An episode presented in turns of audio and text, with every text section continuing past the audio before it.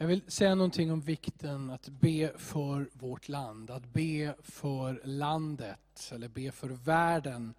Det som är större än vi. vi eh, det är ju så här med de här, om vi jämför först då, de här personliga bönämnena som ofta gör att det, vi känner någonting, vi lider av någonting, vi undrar någonting och så ber vi för det. Eh, och, och det, det ligger liksom så nära oss. I, vi, på olika sätt så, så ligger det nära oss och vi börjar be för det. Men Herren vill, och Guds ord säger att vi ska be för vårt land, vi ska be för det större. Eh, varför ska man göra det? Ja, men, om man tar ett väldigt eh, enkelt exempel. Du, du funderar på eh, yrkeskarriär och utbildning. Och tänker, herre vilken, vilken, vad ska jag göra? Vad vill jag göra? Vilken utbildning ska jag gå? Vad, ska jag, och så ber du för det. Led mig Gud. Led mig. Och det här är väl naturligt, det här tror jag alla har bett på något sätt. Led mig till arbete, led mig till en utbildningsplats. Led mig rätt och jag vill göra det som är rätt och jag vill trivas med det och det ska vara till nytta för mig och för andra. Och det, det är väldigt fokuserat på oss. Ja men, men tänk dem, i det landet så finns inte utbildningen. Eller det finns inte möjligheten att ta in speciellt många elever och studenter. Ja, det betyder att det finns ett större sammanhang som inte bara handlar om att vilken utbildning ska jag gå, utan vad gör landet för skolor, och universitet och utbildningsmöjligheter? Eller hur? Finns det inte platser, finns det inte utbildningar, ja vad ber du för då? Ja, då får du flytta till ett annat land, okej. Okay. Det finns alltid sådana, men förstår du, det är alltså viktigt att inte bara säga, jag ber för mig, hjälp mig, visa mig vägen, utan jag ber för landet. Jag ber för skolor, jag ber för utbildningsminister, jag ber för de som tänker långt framåt för Sverige. Ser du? För det påverkar dig jättemycket. Det kanske påverkar dig i slutändan mer än den där bönen, ska jag gå på det gymnasiet eller det gymnasiet, den högskolan eller den högskolan. Vad gör landet för utbildning? Jag ville bara ge ett exempel på hur viktigt det är att du och jag lyfter vår blick och ser vår gudagivna kallelse och uppdrag att be för landet. För det påverkar oss. Och... Eh, då står det så här i första Timoteusbrevet kapitel 2 och vers 1. Först av allt. Först av allt. Först av allt står det. Det betyder att först av allt uppmanar jag till bön. Amen. Där Först av allt uppmaningar till bön, skriver Paulus till församlingen. Det går inte för dig och mig att resonera och säga, ja, ja, andra får be och bönemöten, det får de gå på och, och så vidare. Jag gör. Jag är en sån som gör. Ja, jag är nog mera som Marta. Och hon som städade och fixade och ordnade för Jesus.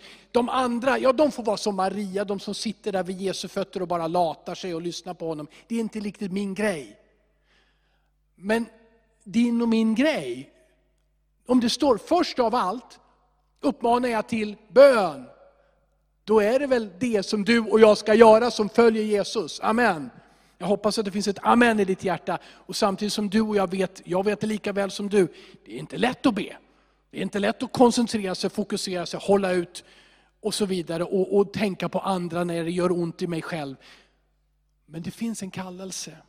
Och inte bara bön utan också en åkallan och förbön och tacksägelse. Det finns en, en mängd här i bönerna att förstå och lära känna av lovsång och tillbedjan.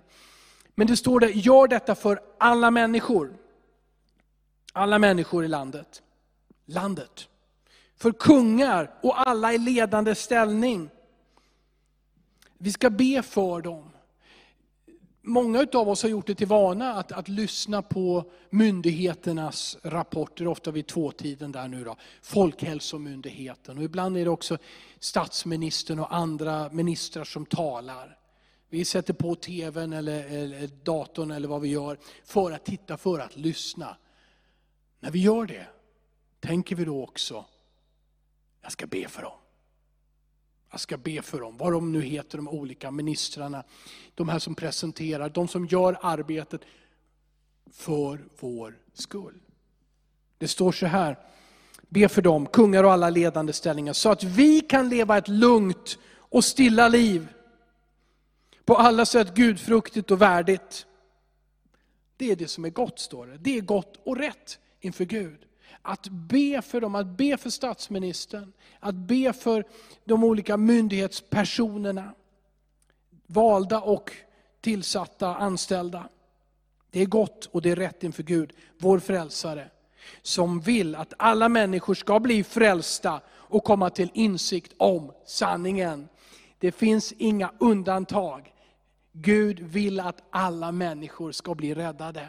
Han vill att alla ska lära känna sanningen, få insikt om den. Det är värt att be för varenda människa. Det är viktigt att göra det. För alla stod det, och så för kungar och alla i ledande ställning. Det här är en kallelse.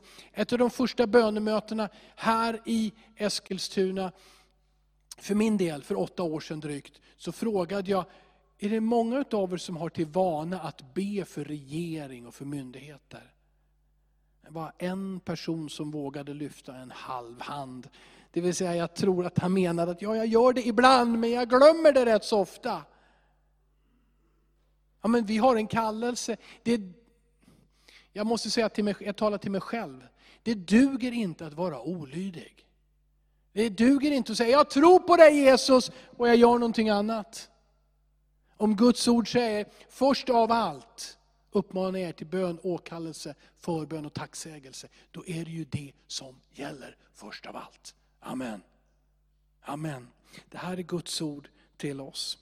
Och så vill jag läsa ett bibelställe till, också välkänt i de här sammanhangen när det handlar om att be för landet. Går vi till Gamla Testamentet, Andra krönikeboken kapitel 7. Jag kommer läsa från vers 11 och framåt. Andra krönikeboken 7, vers 11. Så färdigställde Salomo Herrens hus och kungapalatset. Allt som Salomo hade förutsatt sig att utföra i Herrens hus och i sitt eget hus lyckades väl. Halleluja! Det gick bra det Salomo gjorde. Och först byggde han på templet, Guds hus. Sen byggde han på sitt eget kungapalats. Inte tvärtom. Och Herren lät det lyckas väl. Och Herren uppenbarade sig för Salomo om natten och sa till honom, jag har hört din bön och utvalt denna plats åt mig till offerplats. Det här var Jerusalem, det var templet. Här skulle man offra djur. Men vi vet att Gud alltid, profet, det, sker alltid, det är alltid ett profetiskt skeende. Och där pekade fram mot Jesus. Här templet, Jerusalem. Här ska min egen son, Guds egen son, offras för alla människor. För att frälsa och försona alla med sig. Han utvalde den platsen, Jerusalem och templet, och talade om det för Salomo när han sov i templet. Och så säger Gud så här. Om jag tillsluter himlen så att regn inte faller, om jag bjuder gräshoppor att fördärva landet, eller om jag sänder pest bland mitt folk. Nu sväljer vi lite grann va? Jaha, gör Gud det? Sänder han pandemier? Eh, sänder han sådana här otäcka saker? Då vill jag säga så här, jag kan inte, jag, jag, jag är inte jag kan inte förklara allting. Men jag tänker inte stå här och försvara Gud. Jag kom, vill bara säga att om du och jag tror att Gud inte har koll på saker och ting, då är han inte mycket till Gud. I alla fall inte i våra liv. Om han inte har sin hand över allting som sker, då är han kanske på det förlorande sida. Men om han har allt i sina händer. Om vi kommer ihåg vad vi nyss läste. Vi skulle be för alla människor. För Gud vill att alla ska bli frälsta och komma till insikt om sanningen. Då behöver vi inte vara oroliga när vi får en känsla av att Gud kanske sänder en prövning. Han kanske också ibland straffar. Han använder saker som för oss först ser hemska ut.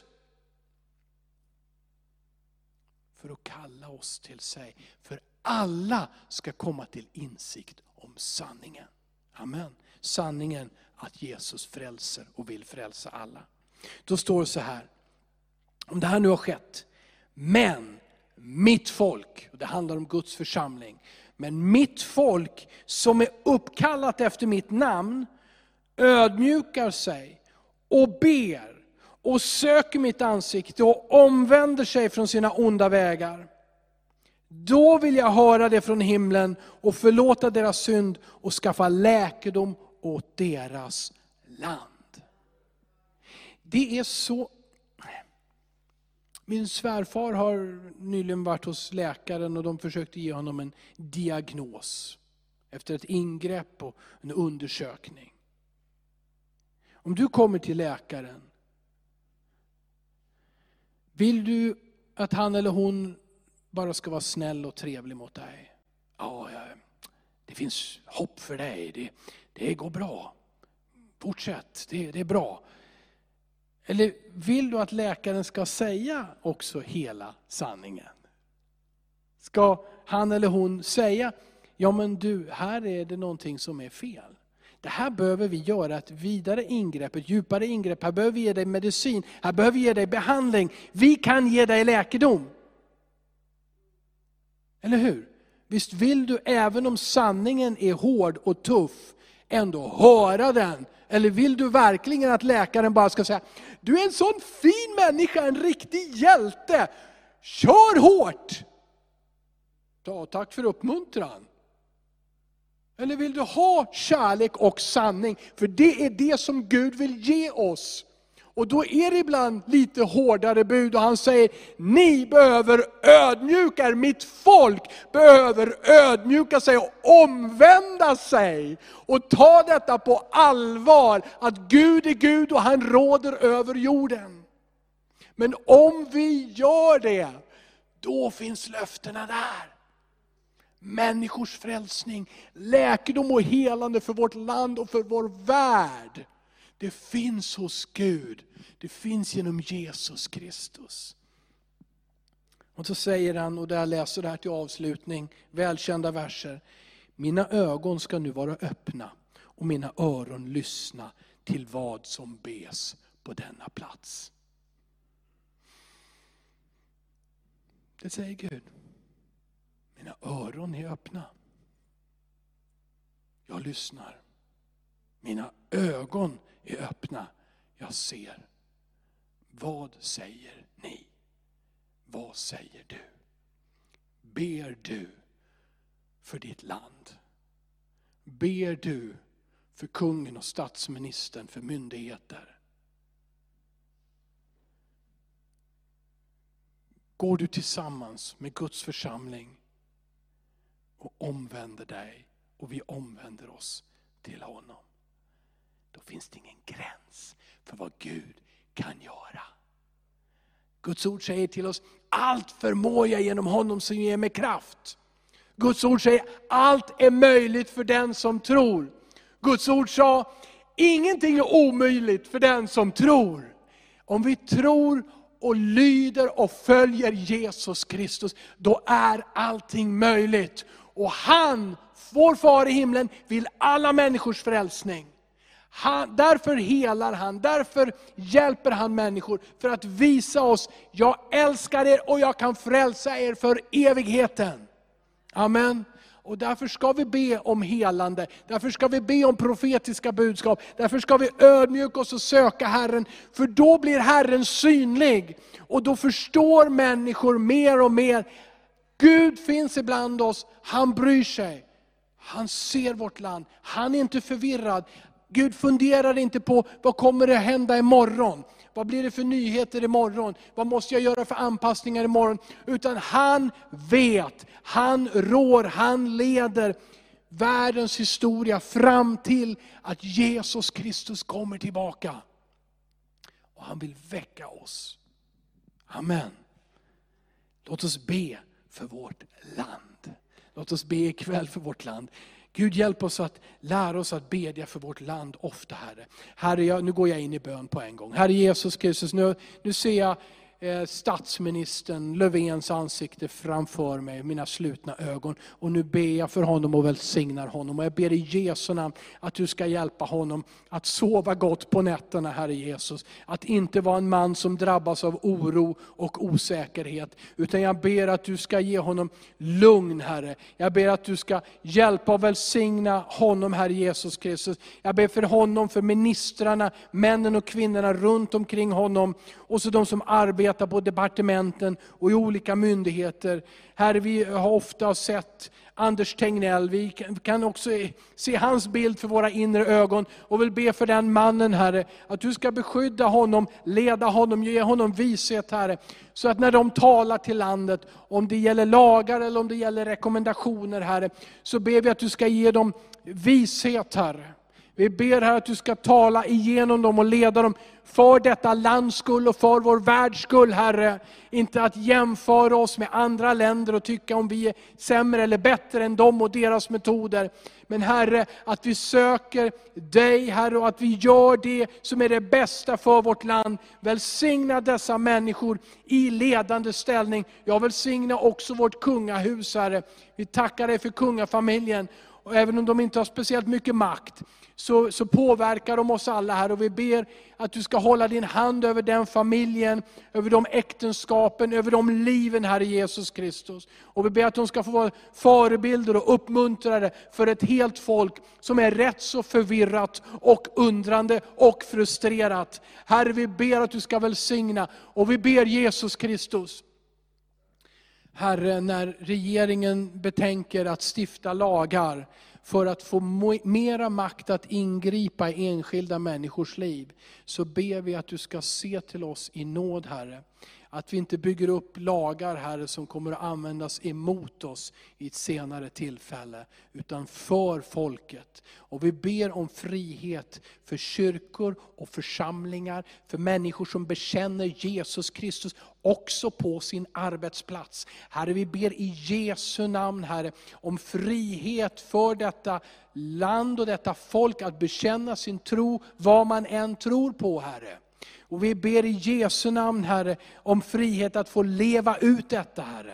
Herre Jesus Kristus, se till vårt land och de lagar som stiftas nu, de förändringar som också kan ske framöver. Herre, led oss Herre Jesus, att vara öppna ögon, att vara vakna över det som sker Herre. Gud jag ber dig, och så ber jag till sist Herre, för hela vårt land. Det har blivit ett underbart land här, ett färggrant land med människor från hela, eller stora delar av världen.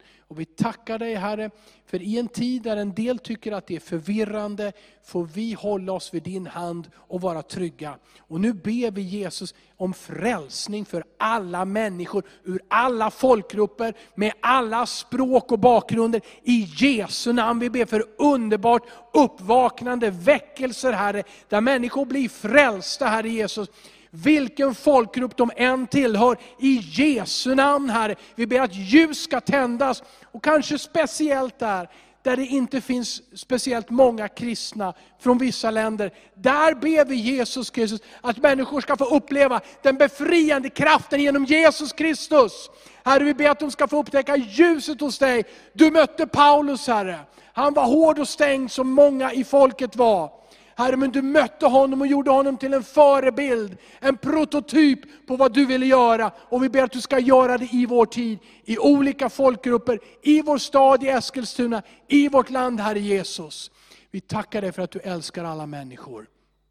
Halleluja. I Jesu namn, Jesu namn. Amen, amen. Halleluja Jesus Kristus. Fader i himlen, jag prisar och lovar dig.